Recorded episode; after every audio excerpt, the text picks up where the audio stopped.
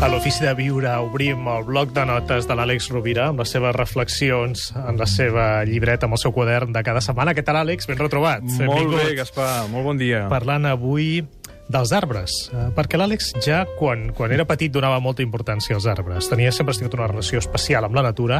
Moltes de les teves reflexions giren al voltant del contacte amb la natura, d'aquesta importància. Molts dels teus autors de capçalera també Sí, senyor. bevien de la natura i s'alimentaven de la natura. Absolutament, aquí I tenim... bé, i tu també. Absolutament. I, de fet, m'agradaria avui compartir un fragment de text de, Hen de Hermann Hesse, del seu llibre El caminant, que és un llibre meravellós, uh, i, i a partir d'aquí compartir una breu reflexió. No? Hermann Hesse va escriure el següent.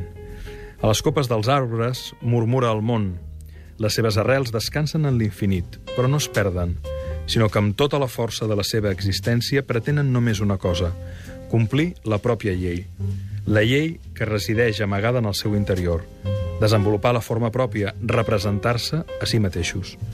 No hi ha res que sigui més sagrat, res que sigui més exemplar que un arbre vell i fort. Um, primera, recomano la lectura en general de l'obra de Hermann Hesse. Segona, recomano vivament la lectura del seu llibre El caminant.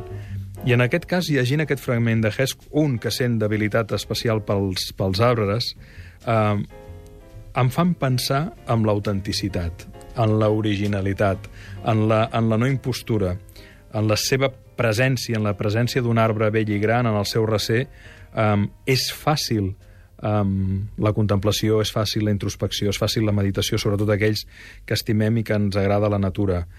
Crec que sovint no som conscients de la vida que ens donen, de com netegen l'aire, de l'ombra, del fruit i del tresor que suposa poder-los poder, -los, cuidar. Una doble invitació aquesta setmana.